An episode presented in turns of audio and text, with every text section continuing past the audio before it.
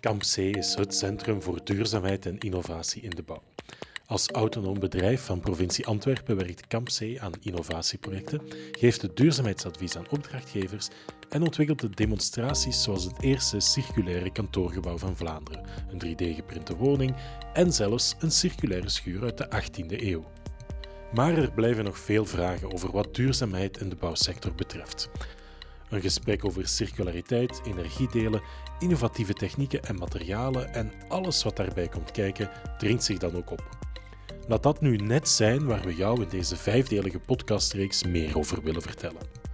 Kamp C en Circubeeld gaan met hun partners in vijf afleveringen dieper in op ontwikkelingen in de bouwsector om jou te informeren, inspireren en adviseren.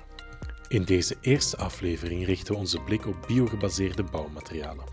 Dries Subrechts van Eurabo, Claire de Wispelare van Sidati en Mathieu Hendricks van Exi NV schuiven mee aan tafel.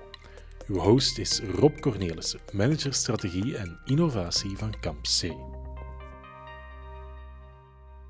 Goeiedag, ik ben Mathieu Hendricks. Ik ben eh, founder van Exi. Ik eh, ben agrariër van eh, oorsprong. en ik heb een bedrijf opgericht dat alleen maar biogebaseerde isolatiematerialen produceert. Dag iedereen, um, ik ben Claire van Sidati. Uh, wij zijn een bio-ecologisch houtbouwbedrijf, dus wij zijn een aannemersbedrijf. Uh, ons hoofdbestanddeel is uiteraard hout. Wij bouwen dagdagelijks met hout, maar daarnaast ook met bio-ecologische materialen, naar groeibare materialen. Um, ja, ik denk dat dat het voornaamste is. Ja.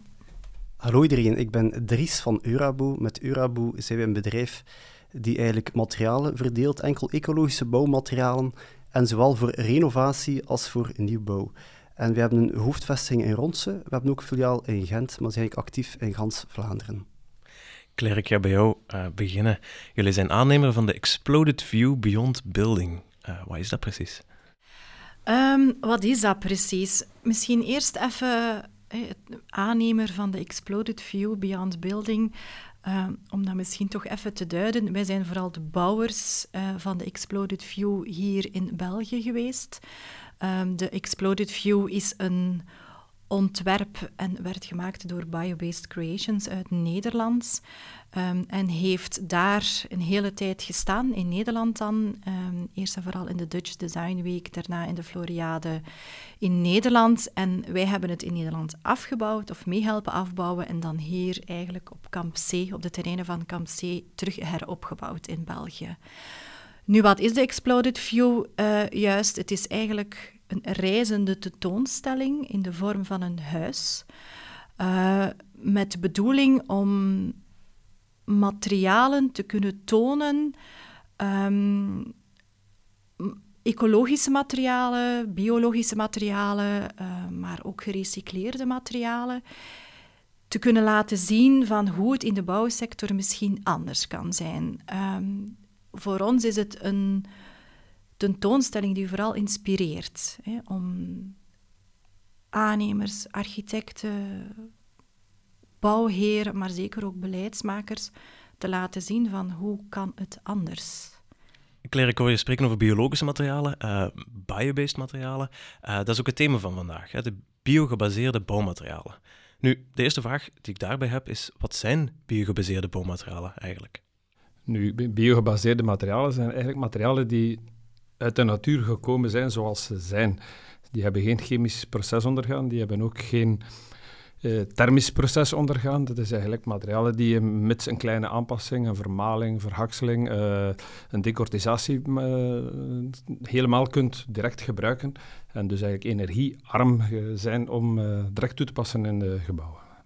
Ik gebruik ook graag de term eigenlijk hernieuwbare grondstoffen, omdat die term eigenlijk de lading dekt. En het komt er eigenlijk op neer dat de niet hernieuwbare grondstoffen, zoals mineralen of petrochemische stoffen, dat die eigenlijk maar één keer inzetbaar zijn doorgaans. Soms is het veel moeilijker om die opnieuw te gaan recycleren of gaan hergebruiken voor dezelfde toepassing. En dus de hernieuwbare grondstoffen die zijn onbeperkt voorradig, zolang we op de juiste manier eigenlijk met de grondstoffen omspringen. Biogebaseerde bouwmaterialen hebben natuurlijk ook voordelen. Kunt je daarop ingaan? Wat zijn die voordelen? Ja, dat klopt. Er zijn eh, diverse voordelen. Want uh, vroeger was het ook zo dat vooral mensen omwille van ecologische redenen gingen opteren voor de biogebaseerde materialen. Maar eigenlijk zijn er heel wat biogebaseerde materialen met technisch superieure eigenschappen. Denk daar bijvoorbeeld bij aan de isolatieproducten. We zitten nu met uh, veel warmere zomers, dat is een uitdaging voor de toekomst. En die biogebaseerde isolatieproducten die gaan de hitte ook gaan buiten houden in de zomer. Dus omdat die een zwaardere of betere massadensiteit hebben en een betere warmteopslagcapaciteit. Maar je spreekt ook over die ecologische voordelen. Wat zijn dat dan precies? De ecologische voordelen, ja, het begint dus eigenlijk al bij de ontginning van die producten en ook verder verwerking. Dus het is minder energieintensief. En het is ook zo dat heel wat biogebaseerde materialen ook CO2 gaan capteren. Dus dan is dat ook een, mooie oplossing voor de klimaatuitdaging waarvoor we staan. Maar, maar, maar dat is niet altijd het geval waarschijnlijk, dat die uh, CO2 capteren. Of, of daar, daar moeten misschien een paar spelregels uh, bij gebruiken. Het is eigenlijk uh, zo dat daar ook altijd de volledige balans moet bekeken worden. Dus als we het bijvoorbeeld hebben over hout, dan is het een evidentie voor ons dat we in de eerste plaats gaan kijken naar Europese bossen. En ook bijvoorbeeld dat het hout afkomstig is uit FSC en PFC gecertificeerde bossen. Dus zodanig dat eigenlijk um, het gegarandeerd wordt dat daar op een duurzame manier aan herbebossing wordt gedaan. En op die manier hebben we eigenlijk eh, dikwijls een positieve CO2-balans. Maar dus zoals gezegd moet eigenlijk het Hansenplaatje bekeken worden, dus ook transport naar de werf, ook hoe lang de levensduur is van een gebouw en ga zo maar door. Ik wil ook nog even ingaan op de voordelen vanuit de kant van de bouwer. Op zich vind ik dat ook altijd wel belangrijk om dat even te vermelden. Dat zijn ook vaak materialen die veel fijner zijn in gebruik. Je hebt het over alle technische capaciteiten die absoluut belangrijk zijn, maar de mensen die bij ons op de werf staan materialen gebruiken, dat is gewoon aangenaam. Aangenaam in handeling, aangenaam in het plaatsen. De klassieke foto's met het, het gasmasker en een, park, een pak, dat hebben wij niet nodig. En dat is ook een belangrijk voordeel. Hè? De gezondheid van de mensen die in het huis wonen langs de ene kant, maar ook de gezondheid van de mensen die het plaatsen. En dan is er ook nog uh, het voordeel voor de bewoners, denk ik. dat is zeker. Eigenlijk als je met een gebiobaseerd uh, woning zit, als je helemaal de lijn doortrekt, zowel met hout werkt als met de isolatiematerialen, dat is afwerkingsmaterialen, die allemaal dampopen zijn en die allemaal uh, zorgen dat het binnenklimaat eigenlijk heel het jaar door constant is. En dat is wel een, wereld van verschil in vergelijking met de petrochemische uh, materialen of de mineralen. Uh, die isoleren geweldig goed in de winter, die hebben topcijfers daarover, maar die doen in de zomer niks. Die laten de zon zo door en dan zit je met een overhitte woning en ja, wie wil daar niet in wonen? Gevolg is, twee jaar later staat er een airco aan deze nieuwe woning en dan zit je energieverbruik die je gespaard hebt in de winter, ga je dan helemaal naar de zomer doortrekken. Dat is eigenlijk een, nuloperatie geweest, alhoewel je dan toch een goed geïsoleerde woning hebt. Dus als je echt met een goed, uh, goed gebouw zit, hè, met biogebaseerde materialen, dan ga je ook zien dat eigenlijk het vochtgehalte in het huis heel de tijd constant is. Je hebt een heel veel aangenamer klimaat. En dat voel je heel het jaar door. Dus mensen die dat eenmaal ervaren hebben, ja, die, die weten van ja, dit is de manier waarop dat je wil wonen. En dat is helemaal anders dan de opgesloten kasten uh, die veel ziet gebouwd worden. En dan is er ook nog iets zoals uh, circulariteit. We hebben het over biogebaseerde bouwmateriaal, maar er bestaat ook zoiets als circulaire bouw. Is daar een link tussen? Denk het zeker. Hè. Eh, de materialen die, die we vandaag kunnen aanbieden, of die, die beschikbaar zijn in biobased materials, zijn één op één hergebruikbaar. Het, het, woord recycleren is eigenlijk al fout als je iets moet gaan bewerken alsof het voor het weer kunt gebruiken. Eigenlijk moet je materiaal terug kunnen weghalen in een gebouw en één op één in een ander gebouw terug kan plaatsen. Dus alle producten die vandaag gemaakt worden, blijven in de toekomst ook beschikbaar. Dus je kunt alles één op één hergebruiken. Dat wil zeggen dat er niks van afval meer gaat gecreëerd worden in de toekomst. En dat maakt natuurlijk een wereld van verschil. Ik hoor nu ook wel vaak dat er vaak nog synthetische stoffen worden toegevoegd aan, aan biogebaseerde bouwmaterialen. Dat is natuurlijk misschien niet de bedoeling. Um, dat is zeker niet de bedoeling. Hè. Als ik dan kijk naar hout, hè, van zodra je natuurlijk synthetische stoffen toevoegt aan materialen, zorgt er ook voor natuurlijk dat materialen in zee niet gemakkelijker composteerbaar worden, hè, dat je ze niet meer kunt hergebruiken. De, de, de processen die nodig zijn, zorgt ervoor natuurlijk dat dat niet afbreekbaar is. Dus in C is dat nooit een, een, een, een, een goede oplossing. Je moet je materiaal in zijn ere kunnen houden.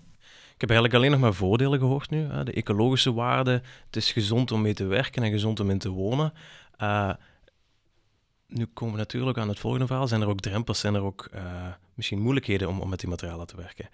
Um, want het wordt nog niet vaak toegepast. Ik heb een Nederlandse studie gelezen uh, waarin ze zeggen van uh, bouwmaterialen zitten nu aan 2% uh, gebruik in de bouw. Maar hoe, Hoe komt dat, dat dan nog zo weinig wordt toegepast? Het is zo dat eigenlijk vroeger de biogebaseerde materialen eigenlijk niet vlot toegankelijk waren. Dus er was enerzijds een prijskloof en anderzijds was er een probleem op vlak van beschikbaarheid.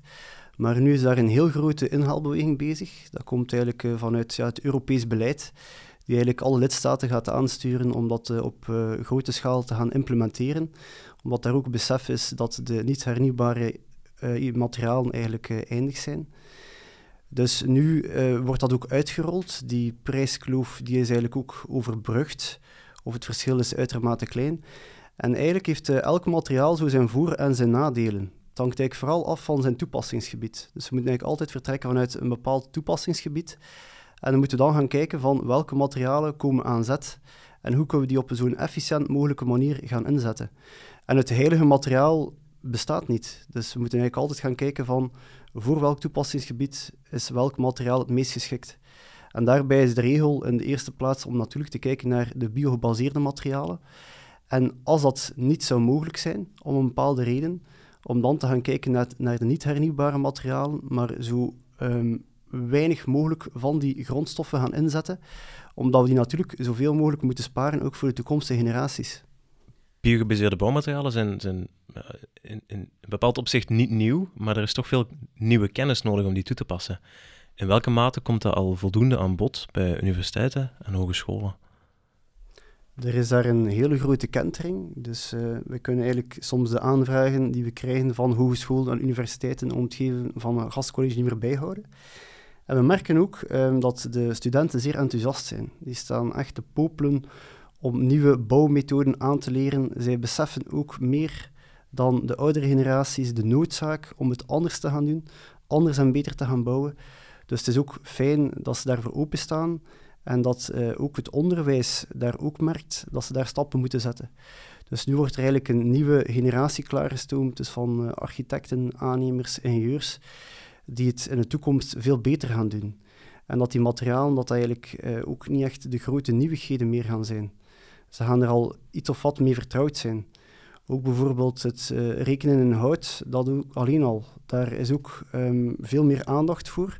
Nog te weinig, maar we zijn toch al de goede richting aan het uitgaan. Dus ook op dat vlak um, ben ik wel zeer gunstig gestemd voor de toekomst.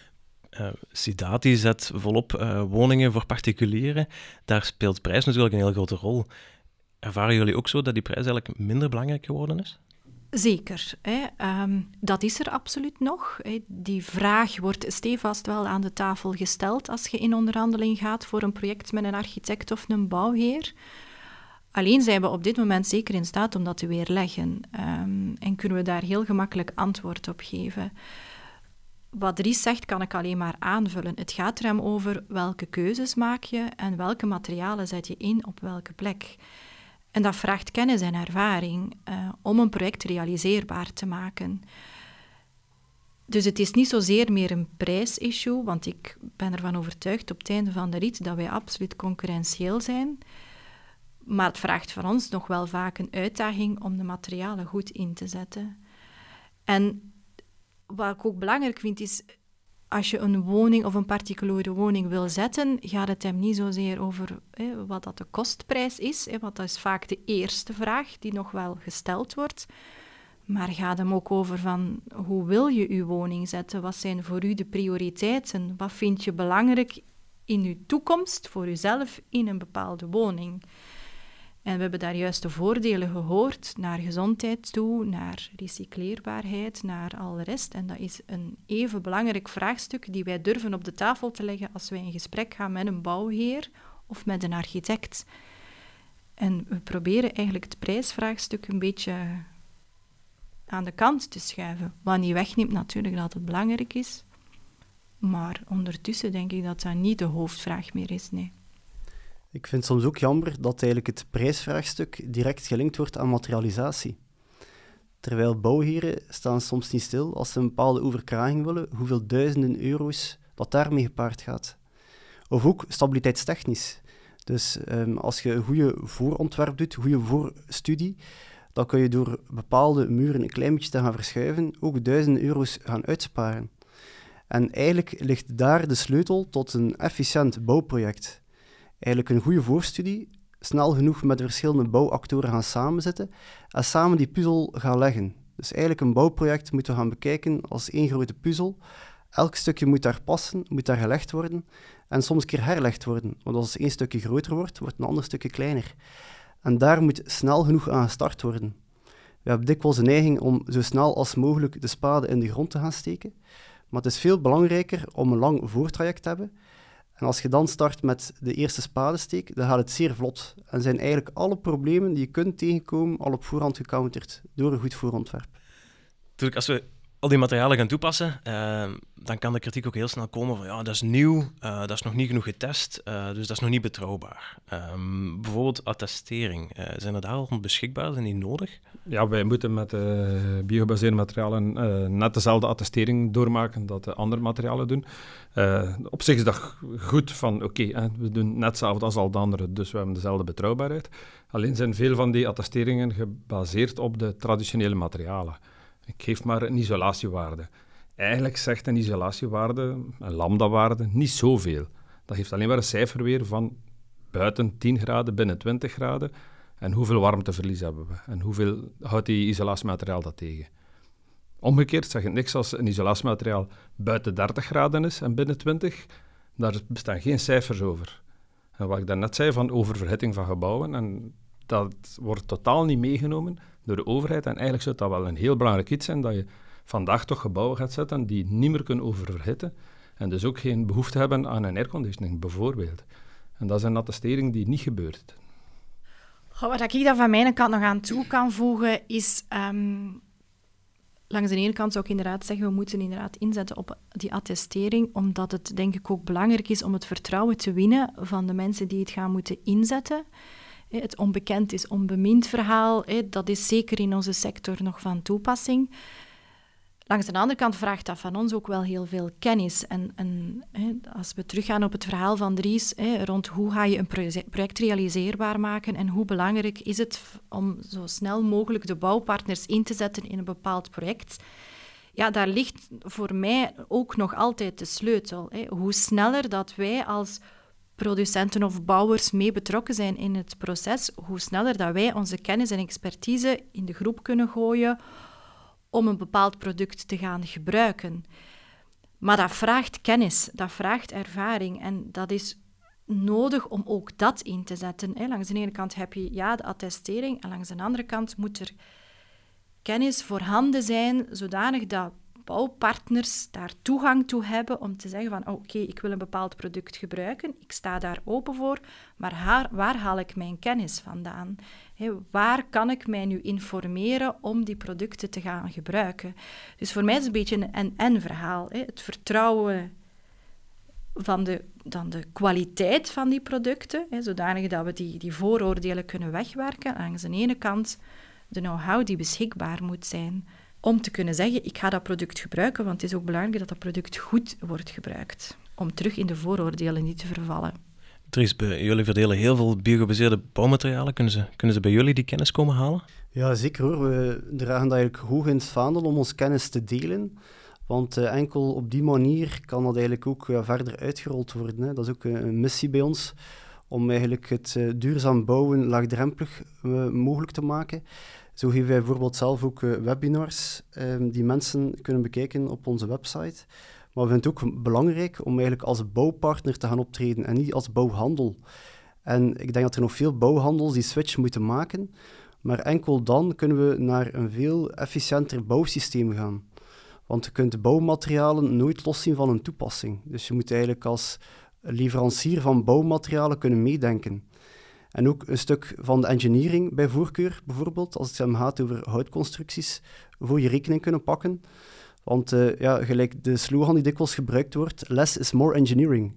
Dus we willen minder materiaal gaan gebruiken, dus we moeten daar een, juiste uh, dimensionering gaan hebben. Dus het is heel belangrijk om in een vroeg genoeg stadium als bouwpartner betrokken te kunnen worden.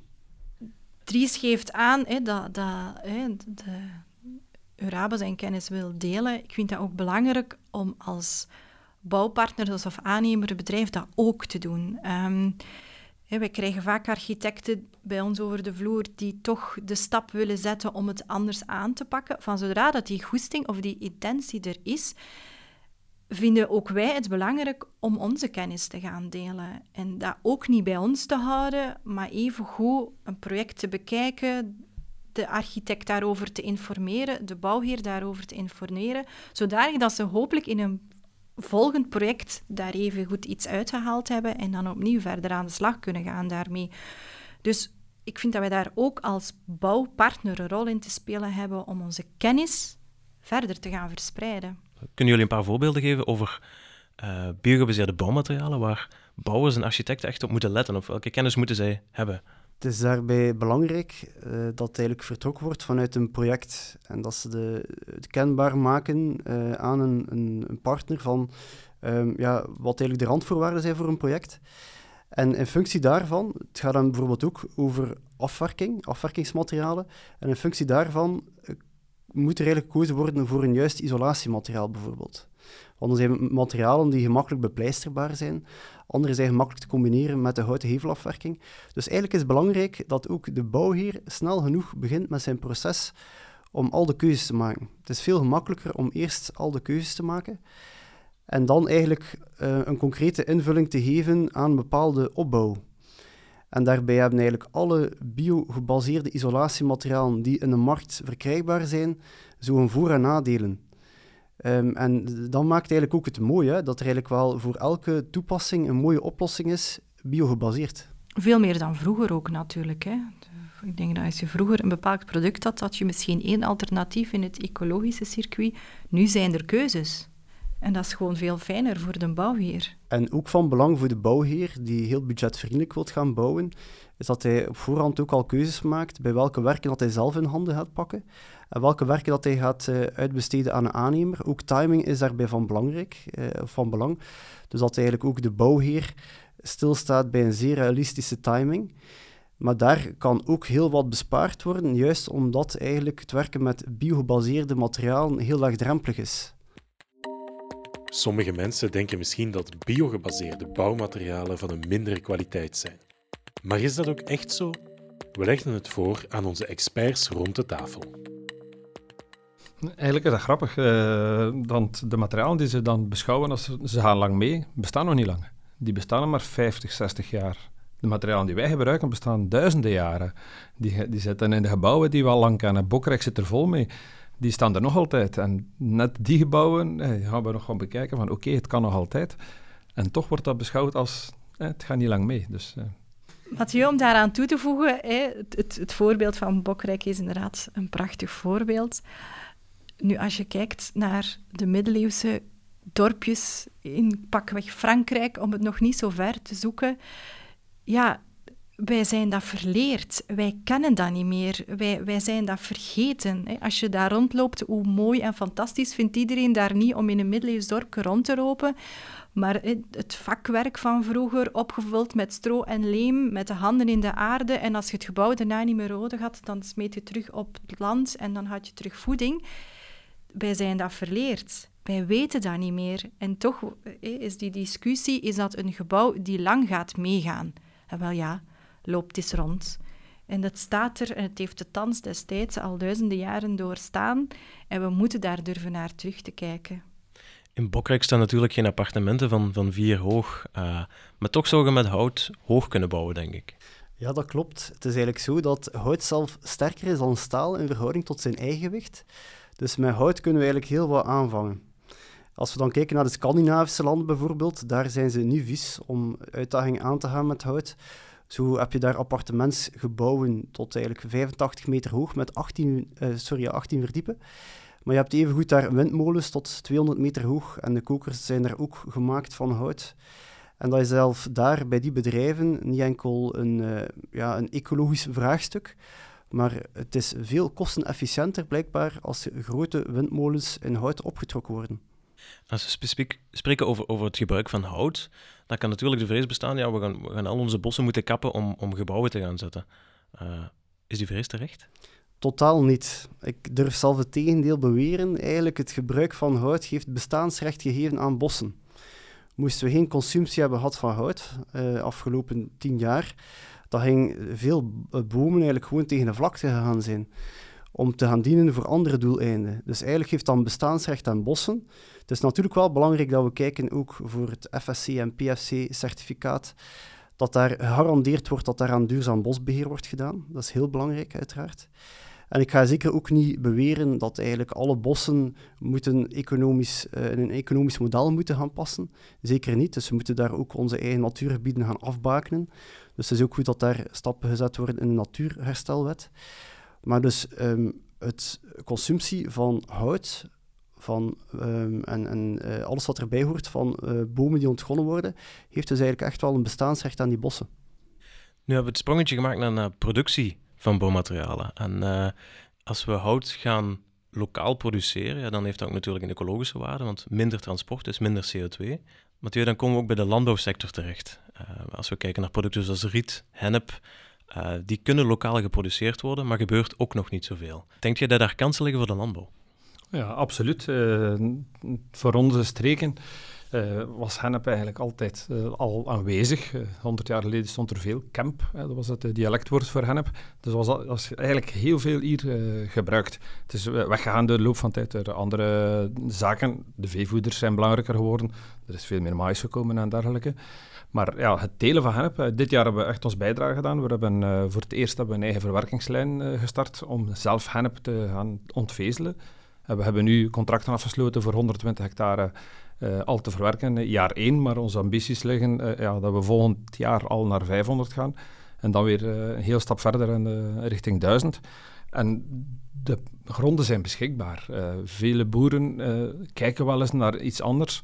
De verandering van milieu maakt dat er sommige gewassen het lastig hebben. Vorig jaar gezien, droge zomer, veel mais mislukt. Hennep heeft daar geen last van, want dat hebben gebruikt heel weinig water. Eenmaal geworteld, groeit het sowieso door, welke zomer het ook is. Dus ik denk dat dat voor veel uh, boeren een aangename afwisseling kan zijn in een teeltrotatie en om ook een zeker gewas te hebben die zeker de zomer uh, kan overleven. Is er dan, uh, is er dan voldoende afzetmarkt lokaal voor, die, voor, de, voor de, de landbouwers die bouwmaterialen produceren? Ik denk zeker dat daar een markt voor is. Ten meer ook omdat eigenlijk ja, de vraag naar biogebaseerde materialen in de bouw enorm aan het stijgen is. Dus we moeten eigenlijk meer zelf ons nu al beginnen voorbereiden op de toekomst. En het, is, um, het zal zeker niet aan de vraagzijde zijn um, dat eigenlijk een, een, hindernis zal gemaakt worden voor het telen van um, gewassen voor bouwmaterialen van te maken. Nu stel, uh, er is een varkensboer die zegt, oké, ik, wil, uh, ik wil door een andere boeg gooien. Wat ik nu doe, geeft mij onvoldoende zekerheid en ik wil, uh, ik wil bouwmateriaal gaan produceren. Wat moet hem dan op zijn veld zetten? Je hebt uh, niet zoveel mogelijkheden als het, het, gaat. Er zijn een paar producten. Uh, bijvoorbeeld Miscanthus is een product, dat is olifantengras. Dat kun je makkelijk telen in onze streken. En waar groeit het best? In laaggelegen gronden, dus natte weides waar eigenlijk dieren ook moeite hebben voor te, lopen, daar kan miscanthus groeien. Het nadeel is dat het een hoge investering is voor jaar één, maar het groeit wel twintig jaar lang, zonder iets aan te doen. Dus op dat gebied, daar kun je wel iets mee doen. Nu, hennep hebben we net aangehaald. Dat is zeker een mooi alternatief en kan makkelijk in een teeltrotatie passen, zelfs met granen. Want ja, je ziet zoals in vele jaren de, de oogst vervroegt. Bijvoorbeeld de wintergerst of de brouwgerst wordt heel vroeg geoogst. Dan heb je eigenlijk nog mogelijkheid om daarna nog hennep te telen, die dan eh, pas later in het jaar geoogst kan worden. Er zijn eigenlijk dubbele teeltkansen voor die boeren ook. En laat ons niet vergeten, er is eigenlijk heel veel graan in België, dus ook veel stro, die eigenlijk heel veel aanbod kan zijn voor de bouw. En daar kunnen we nog enorm veel mee doen, zonder dat we speciale zaken moeten gaan uitvinden. Claire, zou het een, eh, een voordeel zijn als we naar uh, bouwers en architecten kunnen stellen dat uh, een huis een lokaal streekproduct wordt? Ik vind dat geen gemakkelijke vraag. Um, maar je voelt inderdaad um, meer en meer dat alle partijen de vraag stellen natuurlijk van waar komen mijn producten vandaan? Waar worden ze gemaakt? Um, hoe worden ze gemaakt? Dat dat toch meer en meer iets is wat dat de, de, bouwheer of de architect of de koper in zijn algemeenheid durft vraag te stellen. Dus of dat we nu een streekproduct product kopen, ja, absoluut zou dat een meerwaarde kunnen zijn. Um, alles hangt ervan af hoe dat je iets verkoopt natuurlijk. Hoe goed of hoe slecht dat een product ook gaat zijn. En alles is marketing ook. Hè. Hoe ga je iets in de markt zetten en hoe verkoop je iets? Dus alles is voor ons welkom om eigenlijk de mensen te overtuigen om het anders te gaan doen. Dus ik verkoop heel graag een streekproduct, ja.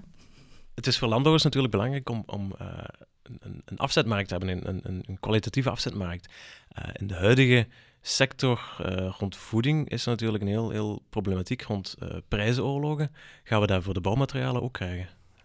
Ja, dat denk ik nu niet direct. Uh, er zijn natuurlijk verschillende gegadigden voor dezelfde grond, uh, zoals uh, aardappelen en groenten. Je kan niet elk jaar aardappelen zetten en elk jaar dezelfde groenten, dus ja, wij passen goed in, in een relatie. En daarbij, ja, veel van onze producten of de gewassen bieden een extra voordeel aan de gronden, want eigenlijk, ja, van hennep is geweten dat de, het gewas dat daarna komt profiteert van de kwaliteiten van de hennep die toegevoegd zijn aan de grond. En anderzijds past het, groeien van bouwmaterialen ook wel in, de sfeer van we gaan CO2 vastleggen voor een lange tijd.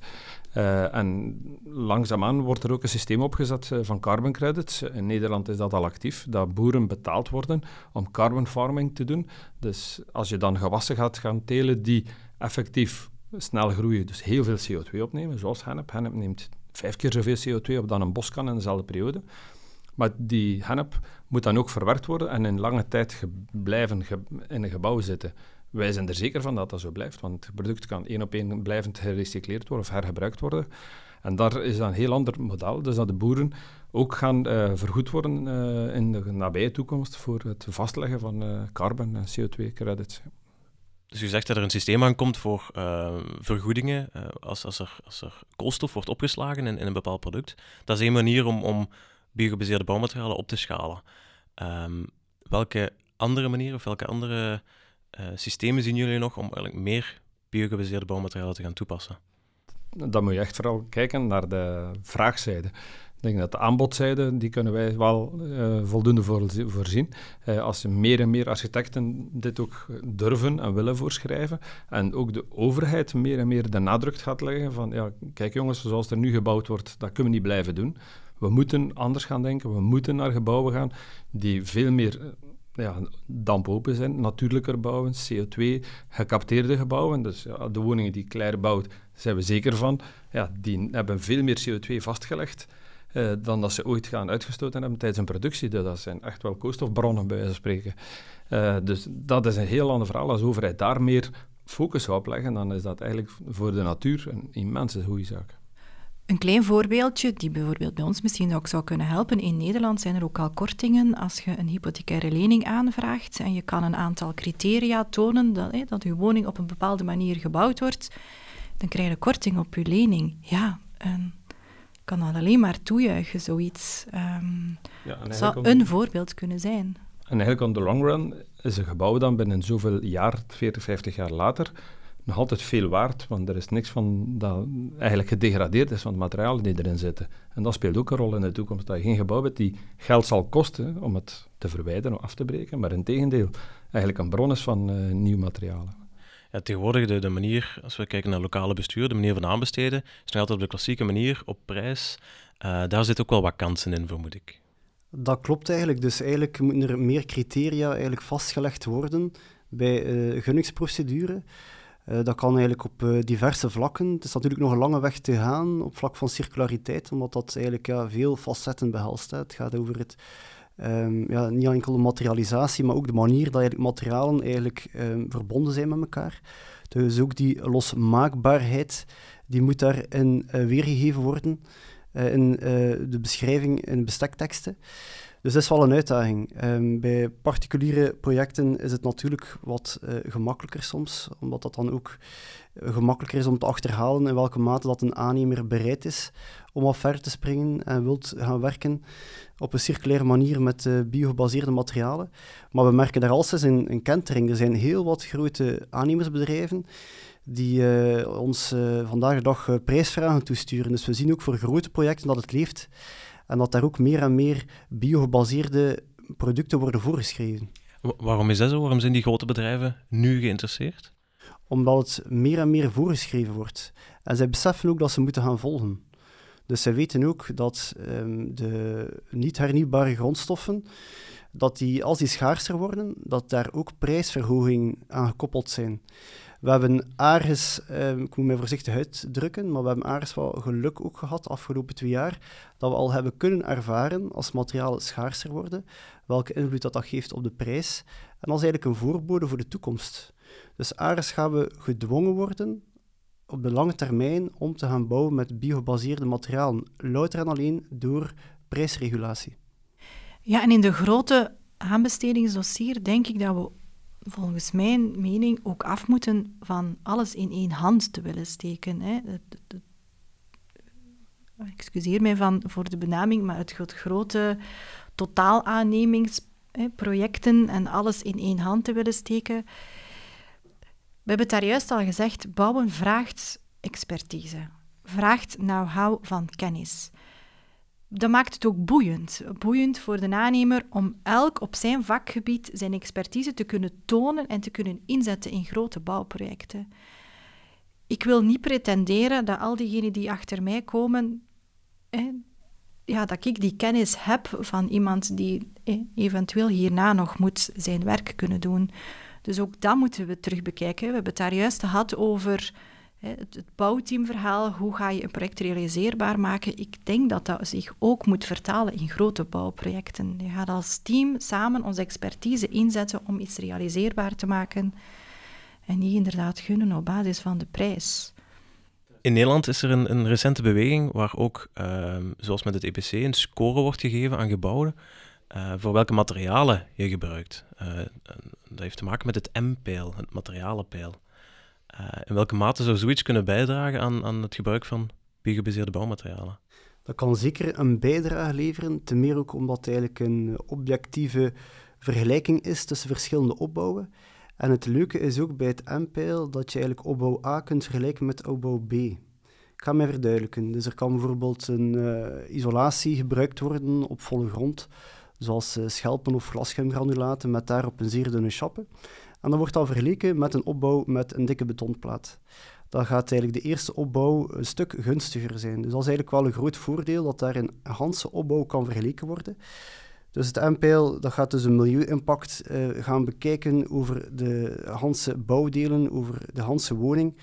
En dat maakt het juist zo interessant. En dat zal op een gegeven moment dus ook een verplichting worden. Momenteel kan er al gerekend worden met de tool die de naam Getotem heeft gekregen. En daar gaan dus eigenlijk alle Europese lidstaten naartoe.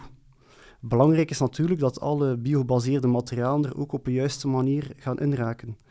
Want het is natuurlijk van belang dat daar genoeg gegevens gekend zijn, uh, dus over alle facetten, hè, dus over ontginning, transport, noem maar op dat daar een eerlijke basis blijft. Want hoe dat je draait of keert, daar hebben eigenlijk uh, ja, de grote fabrikanten altijd daar een voordeel uh, bij. Dus uh, niet biogebaseerde materialen, die gaan er dikwijls um, een groter voordeel uit kunnen halen uit, om eigenlijk een score soms, ik ga niet zeggen opsmukken, maar eigenlijk meer um, concrete gegevens te gaan genereren. En terwijl dat biogebaseerde materialen soms meer vertrekken uit een, een algemeen cijfer. Maar gelukkig zijn uh, daar toch ook al een aantal grotere fabrikanten van biogebaseerde materialen ook al in mee. En wordt er ook aan gewerkt om daar juiste input te kunnen geven om in de toekomst daar dan de juiste berekening te kunnen maken. Maar het gaat over, over heel veel voordelen van biogebaseerde bouwmaterialen. De, CO2-captatie, gezond om mee te werken um, en in te wonen. Er zijn ook wel wat drempels die we zien. voor sommige producten zitten we nog in het begin van de marktopschaling, dus prijs speelt zeker een rol. Beschikbaarheid, uh, ik hoor wel dat de landbouw uh, daar zeker zin in heeft om, om zich daarop te, in te verdiepen. En uh, naar aanbestedingen en naar vraag toe kunnen ook nog wel wat stappen worden gezet. Ik wil heel, nog heel even de, de sprong maken naar de, de praktische kant. want biogebaseerde bouwmaterialen, daar ga je ook anders mee om, lijkt mij. Um, en ik kijk even um, naar Exploded View, daar, hebben jullie heel veel uh, biogebaseerde bouwmaterialen toegepast. Was dat een heel andere manier van werken? Is dat anders om dat te bouwen dan traditioneel? Voor, voor, voor ons als aannemersbedrijf is dat niet zo. Um, dat komt omdat wij continu in ontwikkeling zijn. En dat is denk ik ook wel een belangrijke tip die ik zou kunnen geven aan andere aannemers die de stap zouden willen zetten. Ik daag uzelf uit. Probeer het, zoek het op, ga in, in gesprek met uw leverancier, vraag de technische vereisten van een bepaald product en doe het. En um, op die manier is dat voor mij niet zo verschillend. Maar dat is omdat wij dat gewoon zijn natuurlijk om dat te doen. En om, voor ons is het nooit anders geweest. En dat is een continu proces. Nog andere tips uh, en dan misschien met vermelding van de doelgroep erbij. Als eigenlijk uh, de eindklant twijfelt of hij wel zo'n huis zou willen bouwen, is het, wel safe? Uh, is dat iets voor hem? Gewoon eens twee keer in een jaar naar zo'n huis gaan en binnengaan.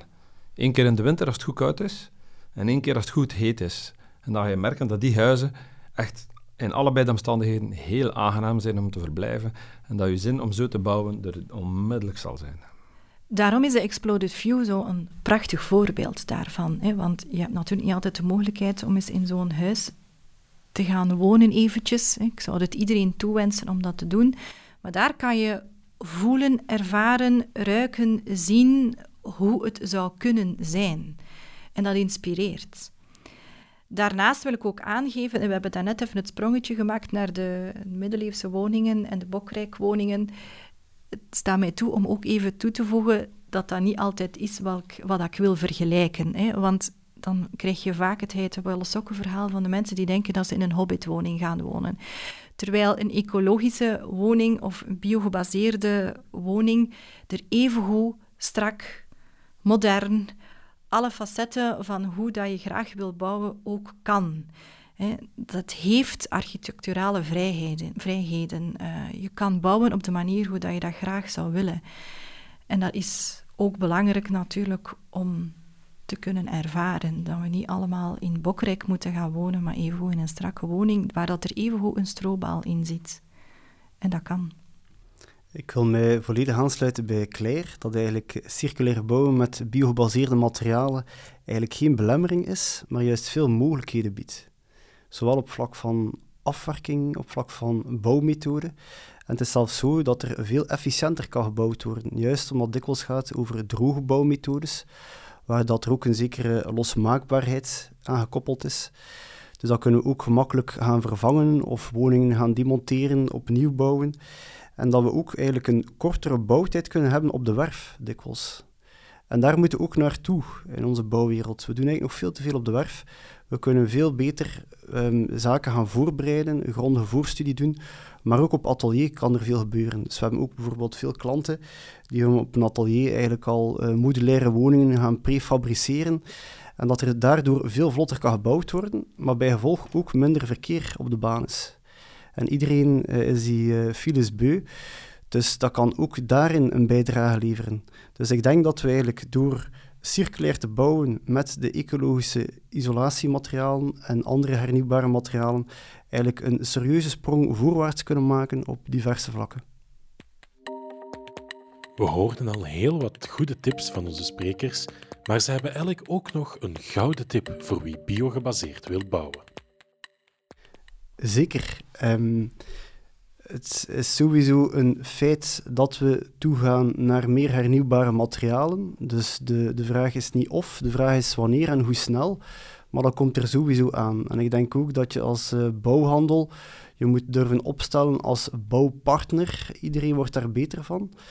Zowel eigenlijk uh, ja, de aannemersklant, maar zeker ook de eindklant. Dus als we efficiënter kunnen gaan bouwen, dan komt dat iedereen te goede. Dus ik denk dat dat ook de weg is die een bouwhandel moet gaan bewandelen om eigenlijk een bouwpartner te worden. Wat u een, een laatste tip voor, uh, voor landbouwers die daarmee aan de slag willen gaan of niet mee aan de slag willen gaan? Ja, dus het is vooral de, de tweede groep hè, die het uh, niet, niet durft. Uh, eigenlijk, ja, heel eenvoudig, doe de stap en doe eens één jaar zo'n teelt. En dan zie je hoe gemakkelijk het is. zeker als het over hennep gaat. Ja, dat is een gewas die weinig water ook eh, nodig heeft. Er zijn geen pesticides, dus je kan niet sproeien. Dus, dus het is volledig pesticidenvrij en heeft weinig bemesting nodig. Dus een heel ander gewas dan de meeste kennen. Het zal voor veel boeren zelfs moeilijk zijn om niks te moeten doen aan het gewas. Want het is eenmaal gezaaid, moet je eraf blijven en wachten tot de oogst. Het is, ja, het is een perfecte zomergewas. Dus het past helemaal in vakantie. Dus, dus je kunt zeker eens proberen. Wij, wij gaan het zeker afnemen. En Claire, nog een laatste tip voor, voor, voor de bouwers? Ik sluit mij aan wat uh, zowel Mathieu als Dries ook al zeiden. Uh, de woorden durf en doen, ik vind dat heel belangrijk. Durf de stap te zetten om jezelf uit te dagen en een ander product te gaan gebruiken. Uh, elke stap is een goeie. Elke stap is een, een eerste stap in een richting om je project op een andere manier aan te pakken. Um, wat Dries ook zei, in een samenwerking met de leveranciers. Hè, um, ik vind leveranciers niet het juiste woord. Voor ons is dat een partner. Een partner waar je je vragen kunt aanstellen. Een partner die know-how heeft en die wij ook kunnen gebruiken in ons project. Um, dat is veel meer dan ik koop iets aan en welke is nu de beste prijs. Voor mij is dat niet meer de eerste vraag. Voor mij is dat samen iets realiseerbaar maken en hoe kunnen we elkaars kennis versterken daarin. Ik weet een aantal dingen, Rabe of Dries kent een aantal dingen en zo geraken we verder. Dus doe kennis op. Durf die kennis te vergaren om daarna ook terug verder te ontwikkelen. Zo, beste luisteraar, zijn we bij het einde gekomen van deze podcast. Ben je benieuwd naar meer? Luister dan naar de andere afleveringen uit deze reeks of naar een van de andere podcasts op de kanalen van Circubeeld.